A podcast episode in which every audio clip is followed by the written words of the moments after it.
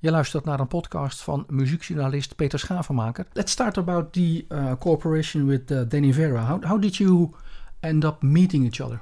So, I noticed that the song was getting played over here quite a bit, uh, but I didn't know why or how. I thought maybe it was in a commercial at first, and I just hadn't been notified of it. Um, and I started noticing I was getting added to these Danny Vera themed playlists. So I followed him on Twitter and we started conversing through Twitter DMs. He told me he'd been playing the song, but I didn't know who he was. And um, together we sort of dreamed and schemed this thing up, uh, just you know, half a world away, uh, just on on the internet, just kind of communicating. And you know, he thought we might be able to put put together a record. He had just started a new label. I thought that was a great idea. I had only spent time over here recreationally, uh, hanging out and uh, it's all worked out so well. I, I can't kind of can't believe it. Yeah, who, who initiative was it to to end up uh, just doing a record deal? Yeah, uh, that was that was the first thing. Well, the first thing he wanted to do was just play the uh, the song and see if it had legs, so to speak. Um, and so he started spinning the single. It was still out under uh, my own label. And then once it started to pick up steam, he was like, "Let's, uh, you know, let's make a let's make a deal here." Yeah, and how did you did you like it? Because I, I noticed you you have been uh, kind of a Dutch connection before. In in June fifth, uh, two thousand twelve, you released the Brooklyn Bridge EP. Yeah, I did. Which was produced by Joran van der Voort, which is a very famous name uh, uh, back then and now. You recorded in Boxtel, and also some mixing was done in Roermond. So you've been with the the Dutch music scene before. Yeah, that's kind of wow. I can't believe you did that research. Yeah.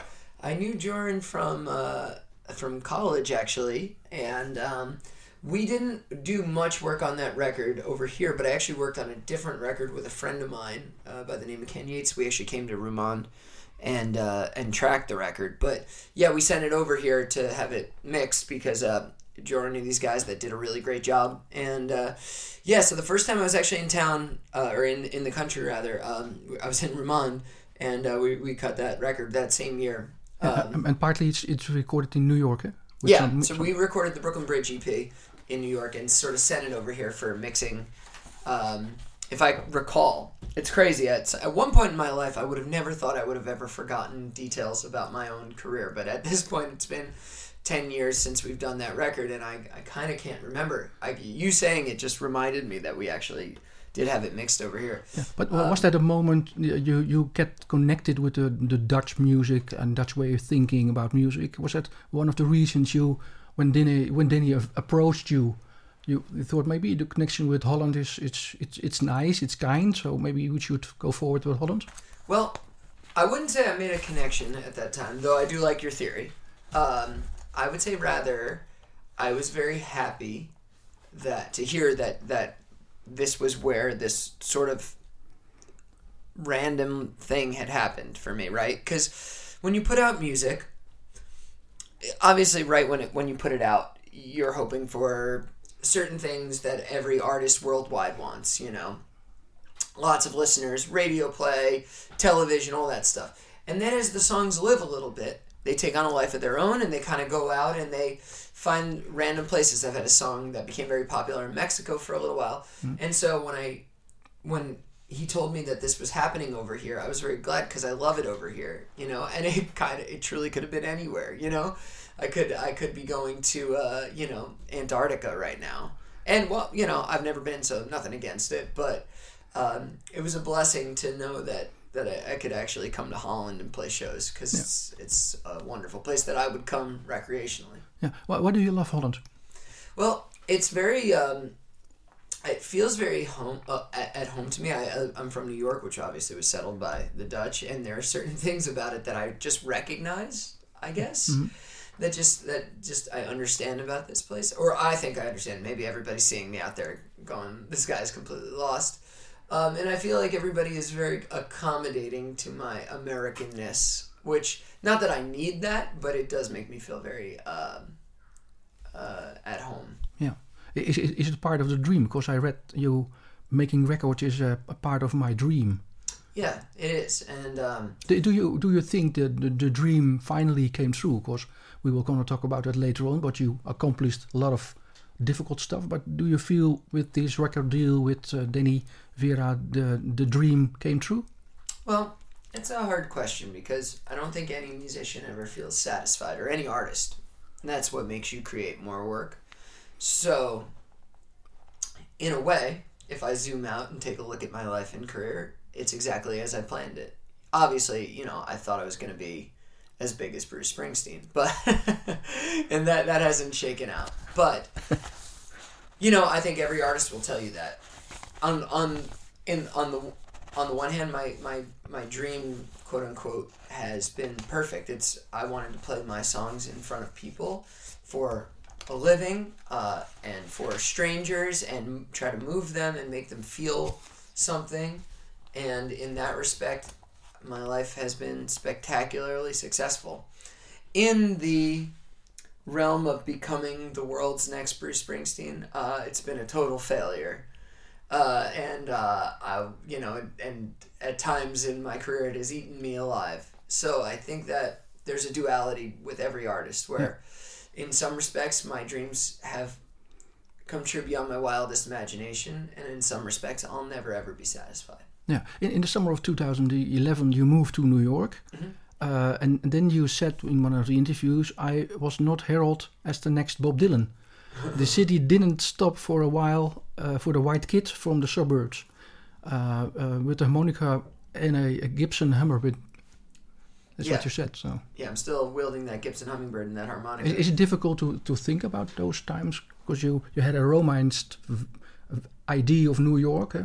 Yeah, I mean, I needed to learn. Every and every kid needs to learn, right? You know, you do start doing this because you think you're special, and if you're lucky, you get to do it long enough to find out that's not why you do it. Um, and it was just a part of growing up to at 21 or 22 when I when I got to New York City, realizing that people were not. Um, they could they can recognize talent and move on with their day. When you come from a small town, and I'm sure you know, like you- people are people uh, gas you up. They think that they're they're so excited to have somebody that might have potential to put them on the map. And uh, when you move to a big city like New York, you you have to swallow that first pill of realizing that people are people are might even recognize your talent, but there's a lot of talent in that city. You know. And, what did you learn on, on Berklee? eh? You went to Berklee College. I did, For about yeah. four, four, year, four years. Yeah. From, from 2002. What did you learn at Berklee um, going on the path of your career? So, for example, do they learn you uh, when you go to a big city? It's not you know not the sky. The sky is not the the limit. You have to start at the bottom. So Well, Berklee is a great place. I really enjoyed it. I always want to say, like, I don't think anybody needs to uh, go to music school to play music. Uh, I went because of a specific circumstance where they had given me a scholarship while I was still in high school. Uh, and I hadn't applied to the school yet, so it just seemed like a no brainer. Um, but I think that what was odd about Berklee for me is that growing up, I thought I might have something here. And then, for whatever reason, when I got to Berklee, I guess maybe I just exuded confidence and I had some raw talent. I felt pretty well liked around there. I think the teachers thought I had something going on, and the student body we I and a lot of people did, but there were a group of people that were sort of poised as oh this is going to be something. And so it was really New York when I first took it on the chin. and how did it show? People thought it would be something. Well, we would have shows, right? You'd, you'd play, sh- you'd, you'd still go out and, and do your job professionally in, in the city of Boston. And those shows would often be full, you know? Uh, what I later realized was not so much a fan base as a bunch of friends that wanted to hang out and party after the show. Uh, and I was very, um, I was very bewildered. My first show in Boston after uh, after we'd all left and dispersed and went to the music cities in the states, LA, Nashville, New York, when like five people came to my show in Boston the year before I'd had like 125 or something. Um, yeah, it's eye opening and, and honestly, um, it was disappointing, but I think that part of this job is is shouldering disappointment and doing it well. What- What's the difference between the new tattoo song. Eh? So you're, you're one of your latest uh, songs, and and oftentimes which you worked on at uh, uh, Berklee. uh, It was one of the school CDs which was uh, released then. What's Yeah. what's the difference between those songs? Oh wow, you really you went deep with your research here. Wow, oftentimes. Um, oftentimes is I mean, I was quite literally just learning how to write well. I think that that was the first thing I ever wrote that that I would qualify as a good song. I mean, I don't even know if I'd qualify it as that now. It's fine. I think it's fine. Um, and I was just trying to uh, I was trying to draw. I guess there is a similarity if I think about it. Um, it was oftentimes sort of the first song that I was trying to use a unifying point, which was that no matter what happens to these frayed relationships in your life, there will always be a unifying theme, and is that and that is that they live with you forever, and it's that unifying theme that really is at the core of New Tattoo as well, which is that this tattoo is a metaphor for uh, uh,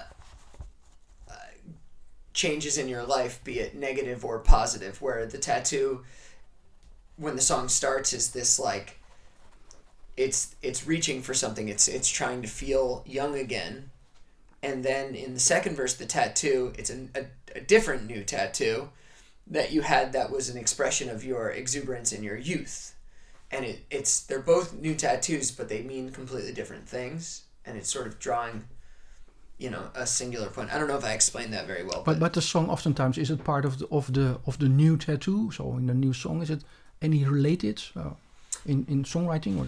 not really except that i wrote them both um, and that's that's an interesting thing that i think about a lot when i when i'm making my music. I think look if i write it and i sing it it's going to sound like me. And it allows me to take some chances. And i feel like especially on this record i'm working on now um, I've taken a lot of chances because I, I believe in that. Like there's there's gonna be unifying themes throughout my all my songs because they're coming from the way I see the world. Yeah, N- New York is a muse for you. You said in an interview. Yeah. Um, Does it also apply for Boston? Because Boston is not only uh, uh, the place you went to college to, to Berklee, but also you you saw one of your favorite shows ever from Springsteen. mhm. Is there in, in Yes. a sense also a, re- a relation in, in in muse sense from Boston and New York? Yeah, you know, it's funny. I for years afterwards I didn't really think of Boston like like that because it's where I went to college, so like I didn't even think I don't even necessarily think of it as I lived in Boston. I lived I mean I you know there's no college campus there, so I did like have an apartment next to Fenway Park, but I didn't draw on it as much, but recently since it's been a long time, you know, it's been 15 years or something since I lived there. Uh, I, I I have come back to it and thought, well, that was interesting. And, and there was a song that I left off this new record I'm working on. Um, that kind of I I could feel that there was a little bit of Boston in it, not energy wise, but just that I was reminiscing about a. It, it is the first time in my life I'm 32 that it's been a long time since some things. You know what I mean? The rest of my life, I could never really say, "Oh, it's been a long time since this." But now I'm like, you know, I'll run into But, but that also be- means it, it's very it's still very important in your mind. Yeah, I guess so. I guess it is, but I'm still discovering it. Um, it's certainly not a muse in the same way that New York is. New York is sort of where I draw my artistic uh, energy from. Wh- Which song of Springsteen is, is more important? Because I, I read you grew up uh, according the uh, uh, songwriting uh, bug with hearing uh, The River, but also Rosalita was, was on the VHS. You always rented it. And, uh, Yes. which, which song is m- more important, uh, like songwriting wise? Well, that's the funny thing about Bruce, right? Like it's you get hooked in with the sort of fun, energetic performance, the power, the the just the raw energy, but then what keeps you is the the darkness of his writing and the introspection. Um, so I, I can't quite say what's more important to me, a song like Rosalita, which hooked me, or a song like The River, which has kept me. Um, I think they're both are equally important, and I, but I think they both represent the duality of music, which Mm-hmm. is like it's just a song. It should just be fun, and songs are everything. They are windows to the soul, and I think both things remain true. And it's what I try to think about when I sit down to write. And, and the connection with Springsteen is it because of his dark writing and his own personal life. I, I read many books and I interviewed his biographer about his life. And, and also, you accomplished the same dark period uh, with, with the train wreck you, you had in a tour. You, you went to a uh, to, to- to do also kind of wedding shows uh, to get to, to get earning. Yeah. So you, you ac- accomplished the same hard, dark life. Do you feel any connection in that sense with Springsteen, or I think so. I mean, I think that's probably why I related to it so well. Uh, at a young age, we're both from about an hour outside the city, and when you're from an hour outside of the city, it's an, it gives you an interesting perspective. It's like um, you're outside of the party.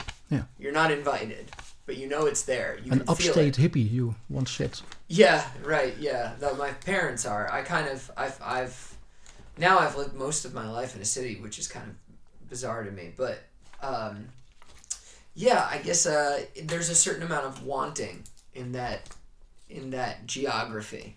This sort of, you're right outside the most important place, the, the most powerful city in the world, and you can see it, but you can't touch it, and that drives you crazy. How, how many times do you write outside New York? Because it's a muse, so you have to get away from the muse also. That's true. Um, most of my last couple records have been written in New York just because it's where I was. And I try to write on the road sometimes, but the road is, you know, you're very busy and uh, you're kind of not. So I, I guess I kind of do write about New York in New York. And I would also say I don't write a ton about the city in general. It's a lot of times it's these characters I meet. Um, and one of the things I love about New York is that you have instant access to anyone at any time. You need to you need to do research. You need to find a certain type of person. You can find them, you know, uh, and study them just by sitting in a cafe in in a certain. But it can make you lazy also. uh, what's that? It can it can make you lazy also. I suppose so.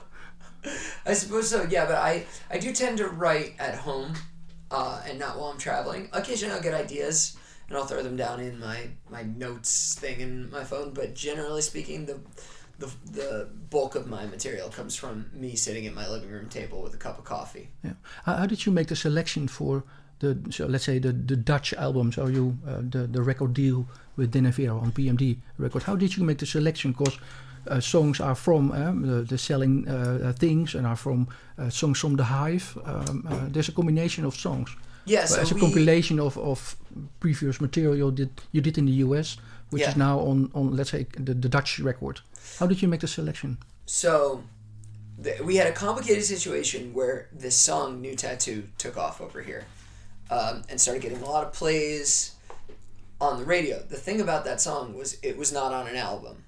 It's uh, it was recorded in between my last album, "Selling Things," and the album before it, "Bug Fixes and Performance Improvements," um, and released as a standalone single. So we were between we were either going to take my last record, Selling Things, and tack on New Tattoo. Or we could put together a compilation. And Danny really liked that idea because then we could go 50 50. So actually, half the choices are his and half the choices are mine. So uh, that's basically how we put it together.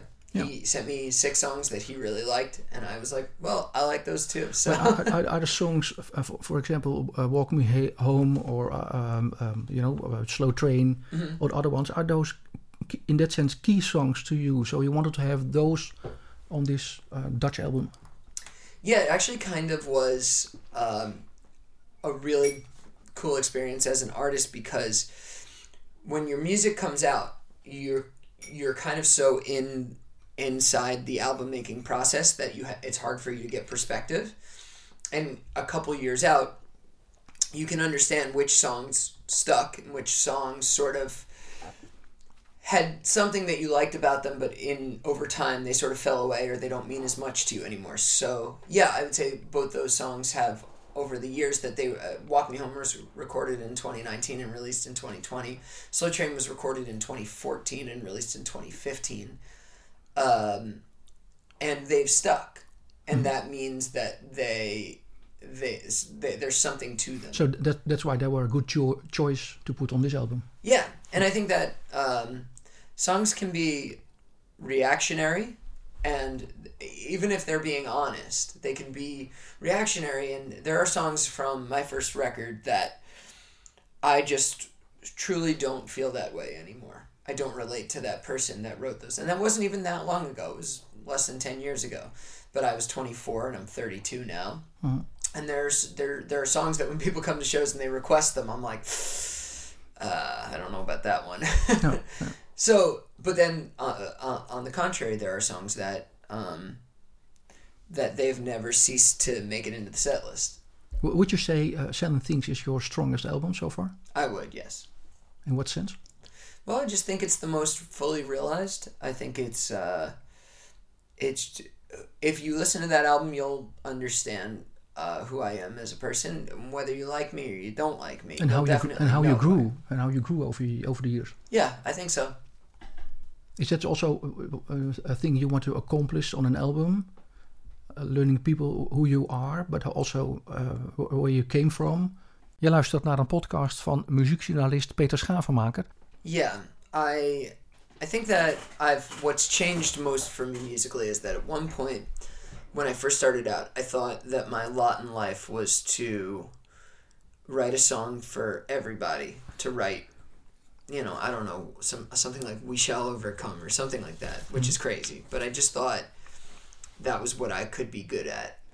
And I realized later on that actually what I liked about music that was so-called universal was actually its specificity how specific it was to the artist that was creating it. Mm-hmm. And i would have told you a decade ago that no i loved what i loved about music was its universality with that anybody could relate to it and i sort of shifted in my writing somewhere around the late 2010s where i wanted to be more specific and I didn't want to write songs for everyone. I want to write songs for people who feel like me and feel and see the world the way that I see it so that they can feel seen and heard as well. As a therapy also? Or? Yeah, kind of.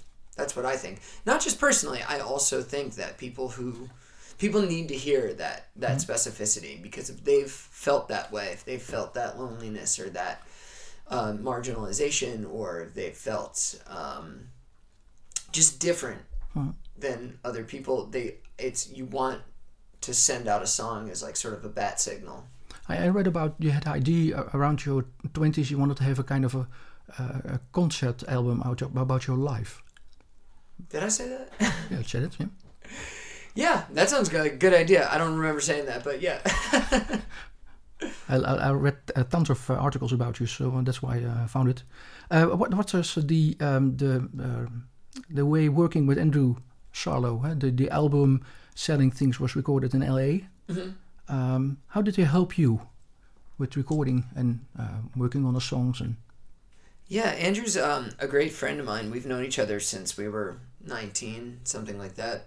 And we've always worked together in some capacity uh, since I've known him. But this was the first time we ever decided to work together as producer and artist officially. He co produced my first record and then he engineered my second record. But I really wanted to hand him the reins on this record. Andrew's created and produced a lot of great music that's very. Um, that's very uh, well loved right now. Uh, the Big Thief records. He did this Madi Diaz record that I love. Um, he's done a lot of stuff with Nick Hakim and Courtney Marie Andrews, and I just wanted to. I just wanted to show up and sing the songs for a change. I've always been very hands on and very, uh, very controlling of the process, and I think that it actually freed me up to not make all the decisions with the sounds. Andrew has his own artistry and his own uh, spectrum of sort of what he wants to hear, and I think that it makes for a richer collaboration. I- in in those days, you you had a, a hard time because because of your kind of uh, you just mentioned a little your obsession to control everything, uh, your your OCD, uh, your obsessive compulsive order, which was also diagnosed. Your your girlfriend now wife helped you uh, Yeah. with that. Yeah, Uh, that was, what, what's it like now? Do you still suffer from that, or uh, does it bother you writing songs, or yeah, it's um, it's definitely something I still struggle with. It's like I don't because it was a very dark personal time? So I was wondering if, if, if it's changed because you you you found new success. Maybe that helped declining it, or I don't know if success actually helps. um, no, uh, obsessive compulsive disorder is interesting, and it.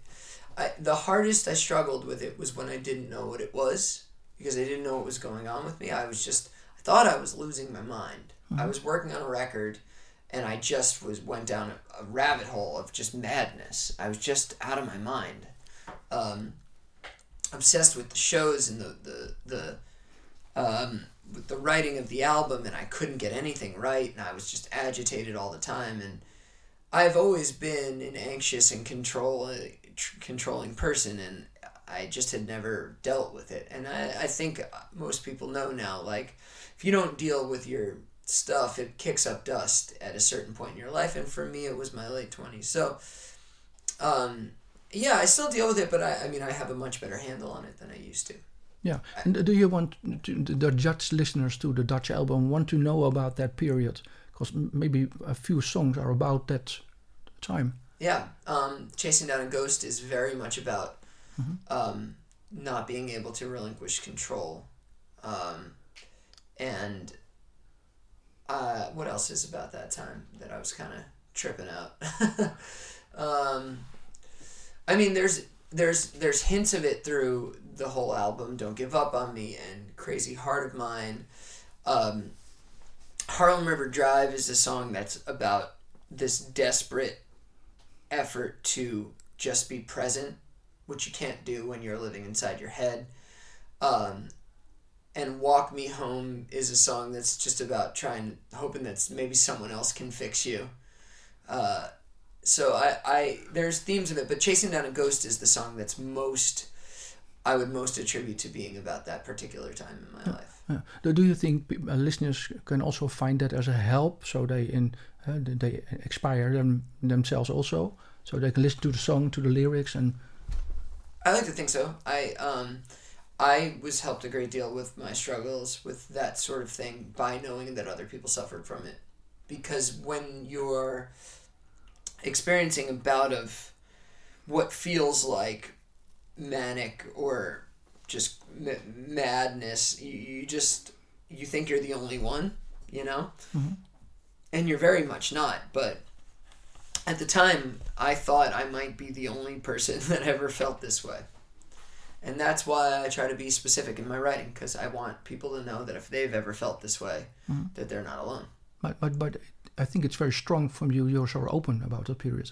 yeah i try to be i think it's i think it helps me and i think it helps other people because i think that there's um uh I don't know. I think there's still some stigma or some shame based uh, around uh, around mental stuff. I, I even hesitate to call it illness. It's just, I think everyone that's alive right now Mhm. has to be, you know, struggling with humanity. It's because it's hard. It's hard to be alive. Yeah. How did you change?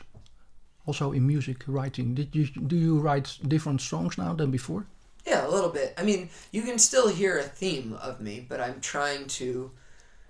One, I'm trying to exercise my demons with my work uh, because I think that people can really relate to it. And two, I want to be clear and specific about who I am uh, for anyone that might relate to me, as opposed to trying to write a song for people. At a certain point in my life, I would play my shows and I would still feel misunderstood by the audience. Um, and I knew it was my own fault because I wasn't being clear with who I was. And I don't feel that way anymore. I feel like anyone that comes to my shows after my show, I would like to have a beer with them. I feel like they're people that I would hang out with. And and, and do you feel you write brighter songs now? Uh, yes and no. I don't know. Hard to say. Um, I don't know if I'd call them brighter. I think they're a little bit more uh, clear cut and More open also. yeah. I think I'm I'm a little bit more um, how how would I say like to the point with what I'm trying to say. I'm not being as vague. Um, I also think it just comes with the time. I think when you're young, when you're a kid, you don't necessarily have a personality yet. You don't know who you are, so you're just you're just mimicking other people's viewpoints and using their vernacular and trying to find your own sound. But eventually you live enough life that you have something to talk about. And again, I, I still see myself as a storyteller, so I'm not necessarily drawing on my own experience for everything, but really just observing humans. And I think as you get older, humans get more interesting, you know, for better or for worse. Yeah. Do you consider the Dutch album and the cooperation with Danny Vera and the, the record deal as a, a, a new start in your career, a new well, it's certainly a new start in my career over here. Um, but yeah, we're we are. I'm hoping to uh, be here a lot. I'd like to to have a, a career in Holland, and I'd like to figure out how to marry that to my career in the United States. Right now, I feel like they're living um, sort of separately mm-hmm. because this album that just come out uh, doesn't exist uh, in the United States, but I think with the next record, we're going to try to put it out over here and put it out in the United States. Are, are there any plans to release uh, the, the Dutch album in the US or? No, because most of those songs are out already in the United States, so my uh, supporters are familiar with the material. Mm-hmm. But um, although I'm sure some some crazy super fans will try to get their hands on one, and if you're listening to this and you have the album, you might be able to make some money on it on eBay. Um, but I think that the the plan is for the next record to put put it out over here and over there at the same time and be able to do an American tour and lead right into a European tour. Yeah. How would you define your career in the US now? Because you you played almost everywhere. Mm-hmm. In the US, you did many tours. You uh, sat in buses for twelve hours to go from gig to gig. You went to wedding shows. Um, well, the wedding you, shows you I don't whole... necessarily call part of my no, career, no, no, they no, were a, they were a thing I did very drunk yeah. in my early early twenties and late teens. Yeah, but uh, how would you define your career now? Um, well, it's interesting. I uh, it's a little different than over here. Um, it's a, obviously it's a bigger country, so it's very spread out. Um, and I it's odd. On the one hand, I play the same size of rooms in the United States uh, that we've been doing. So when we came, these are my first shows. We're on our first tour, and the first show, night one, first song, I I, I was all you know jittery just because I was not sure how it was going to be received. I walked out and I thought, oh, this looks exactly like it looks in yeah. the United States. You know. Um, but uh, it's a little bit different over in the states. They're more familiar with the sort of um, the the breadth of my material, like all the albums, and people are kind of fans of different songs. Here, I do definitely feel like people are kind of waiting to hear just the one song. and so it's a challenge to make the show sort of flow in a way where people are not just waiting to hear the one song, that I'm entertaining them on the way to the song, and I'm putting that song in the right spot so that it doesn't overshadow the rest of the material. Yeah, and uh, did you already book your dream kick in the Madison Square Garden, or? Uh, no, we're still working on that. but it's still, it's still your dream kick, or? I would say so. I don't know if I call any gig a dream gig. It's more just the ability to do that means that you have touched a, a certain amount of listeners, and that is my dream. It's more about can I get through to enough people I know there are people out there that would feel the way that I feel, and I know I just want to connect with them. Yeah. And so, yes, to play Madison Square Garden would be amazing, partially because I can take the subway to it, uh, but uh, it's more about the connection with that amount of people that's exciting to me. Yeah. Did you change in working on songs, writing on songs? Because I, I read you usually use one of one of one sentence like uh, heading through a tunnel downtown, which is from Taxi. Mm-hmm. Do you still work that way, or did it change over the years? You, you know, use one sentence and then you build a song around it. Sometimes, you know, I guess you kind of never. I never really write the same way twice because I'm always trying to write a song that I don't have. Uh, so I would say I change. Like for instance, I told you earlier, like I don't really write on the road but I try to because I know at some point I'll get something. You know, the second I, I build a song out from the first line, I probably won't do it again. You know? Um, so I'm just always looking for different ways to approach things. But yeah, I do usually there is usually something in a song that makes me want to write the rest of the song. And it's usually either a hook line or a title. And sometimes it's just a funny line that I have in one of the verses that I like enough and want to sing to build a song around it. There just needs to be one little something that makes me move forward. Mm-hmm. Are there plans to uh, release uh, songs from the Hive and, and, selling things in Holland? Except for uh, you can you can buy them on Bandcamp. Uh, yeah, but I, because on especially on songs of the Hive, most of the songs are not on the Dutch album. Yeah, I I don't know if we have anything in the works. I think there's some chatter. We'll have to see how this album sells. um, it's interesting. I, I have never had this in my my mind. My only um, my only reference point for having different releases is the Beatles, right? Where there's there were the the UK releases and the US releases, and that's always terribly confusing. Um, like for instance, my copy growing up of Rubber Soul was my dad's, and it started with "I've just seen a face," which is not how Rubber Soul starts, but to me it is. Um, and so I don't know. I can't. I, I guess I would be interested in releasing them over here, though. I know about half the songs on Selling Things are on the new Dutch release, but I guess I'm more just focused on the future. Yeah. Why did you want to uh, release uh, Selling Things uh, in the middle of the COVID? Because you fight uh, obligated to release it, although your manager said, "Don't do it." Yeah, I guess I didn't. I, I wouldn't say I wanted to release it in the middle of the pandemic, but once the pandemic hit I felt like I felt very useless. I think a lot of us who worked in the arts did, uh, because you know we I love I love music and the music industry, and sometimes I say sometimes loosely, a lot of the time we can get a little self important about what we do. Mm-hmm. Uh, make music, and so when the pandemic happened and there was this real, you know, crisis, I felt like I have nothing to offer the world. I can't help in any way, shape, or form. Um, but I do have this album, and maybe, and I know people are stuck in their houses and they're scared, and maybe, maybe this will bring some people some joy. And it's the only thing I've got to offer. So I did feel like when it was pitched to me that maybe we postpone the record, I thought, well, why would I postpone it when it's the only thing I can offer right now?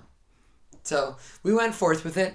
Still begs to be seen whether or not that was a mistake, but um, I'm still glad we did. Yeah. How are plans in the UK or, for example, other U- European countries? Are there any plans for? Yeah, um, we're starting to make plans to branch out from uh, the Netherlands and do um, as many as many bands did in the past. They used uh, the Netherlands as a starting point. Yeah, I mean, I'm not using you guys. I'm very happy to be here. Um, but I, yeah, I believe we're gonna be trying to do some shows later this year in maybe Paris and London, taking it from there. Yeah, so that's a very uh, um, a nice way of, of expanding your career. Or...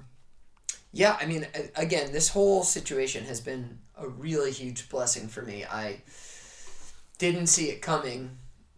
And that is the funny thing about success, right? You never, it's never the thing you think it's going to be. The so that's you, why the question uh, earlier was justified. Uh, and this new Dutch album is a kind of a turning point, a, a new crossing in your career. Yeah, I think so. I mean, we'll, we'll, I'll only be able to tell like 10 years from now. That's, that's the thing. You can only, can only figure it out in hindsight if it was a turning point or if it was just a cool thing that happened or if it changed my entire life right now it feels quite exciting. Everybody is coming out to these shows and, and making me feel very um, welcome and warm. Yeah, yeah. Tell us about the the new album you're working on. So, so the the real new album. Yeah. So the new album, we just put this finishing touches on it last week before we left. Um, I made it in Athens, Georgia, mm-hmm. and. Uh, it's uh, the birthplace of uh, REM. Yes, exactly. That's one of the one of the reasons I wanted to go. Actually. Um, oh yeah, it's true. Yeah, uh, there's there's definitely like a type of Athens rock, I guess you would say, because I worked with Athens musicians, and I just really like the records that were coming out of there. Yeah, no, it's it's it's, but it won't sound southern or anything. I don't think REM sounds particularly southern, which is funny, because uh, Georgia is so very the American South. Mm-hmm. Um, yeah, I'm really excited about it. I'm always really excited about the record I haven't put out yet. Um, but uh, I think that, um, in a way, it sort of furthers what I started on selling things. I think it's even more specific and it deals with a lot of like hairy topics that I think I at one point in my life I would have uh, squirmed to sing about those things and I think that uh, people are really gonna if they dug selling things they're really gonna dig this record? It sounds you're more more confident about recording now than before. yeah or or rather writing. I think I'm I just I'm okay with putting some people off.